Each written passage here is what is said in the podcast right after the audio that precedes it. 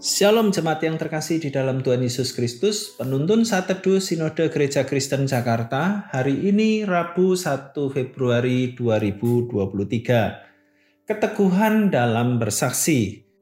Kisah para Rasul pasal 26 ayat 24 sampai 32. Sementara Paulus mengemukakan semuanya itu untuk mempertanggungjawabkan pekerjaannya, berkatalah Festus dengan suara keras, Engkau gila, Paulus.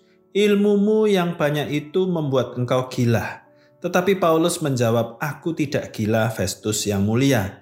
Aku mengatakan kebenaran dengan pikiran yang sehat. Raja juga tahu tentang segala perkara ini, sebab itu aku berani berbicara terus terang kepadanya.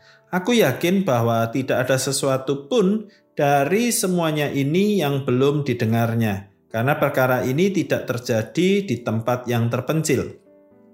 Percayakah engkau, Raja Agripa, kepada para nabi? Aku tahu bahwa engkau percaya kepada mereka. Jawab Agripa, hampir-hampir saja kau yakinkan aku menjadi orang Kristen. Kata Paulus, aku mau berdoa kepada Allah supaya segera atau lama-kelamaan bukan hanya engkau saja, tetapi semua orang lain yang hadir di sini dan yang mendengarkan perkataanku menjadi sama seperti aku, kecuali belenggu-belenggu ini. Lalu bangkitlah raja dan wali negeri serta Bernike dan semua orang yang duduk bersama-sama mereka.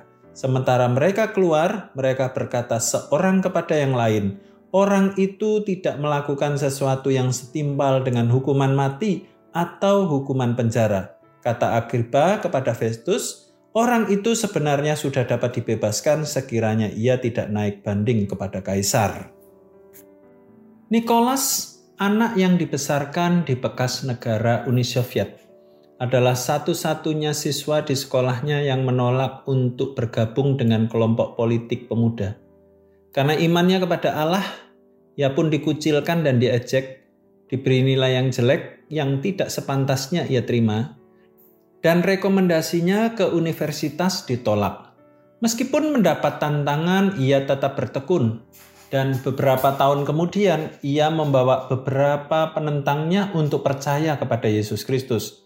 Saat ini, ia adalah pendeta dari sebuah gereja yang berkembang di Belarus. Rasul Paulus juga mengalami penganiayaan. Karena imannya, ia dihadapkan pada pengadilan Raja Agripa. Dalam pembelaannya, Paulus mengisahkan siapa dirinya di masa lalu. Saulus yang adalah penganiaya pengikut Kristus. Ia pun bersaksi bagaimana Allah telah mengubah hidupnya, tentang pertobatannya yang terjadi saat perjalanannya ke Damsik. Bagaimana perjumpaannya dengan Yesus mengubah dia, dan sejak saat itu dia menyerahkan hidupnya untuk menaati dia yaitu mengerjakan pekerjaan Injil sebagai bukti imannya kepada Yesus.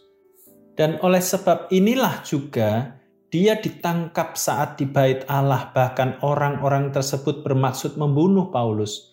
Meski Paulus bahkan dikatakan gila, namun Paulus meyakinkan bahwa semua perkataannya adalah sungguh kebenaran yang dikatakannya dengan pikiran sehat.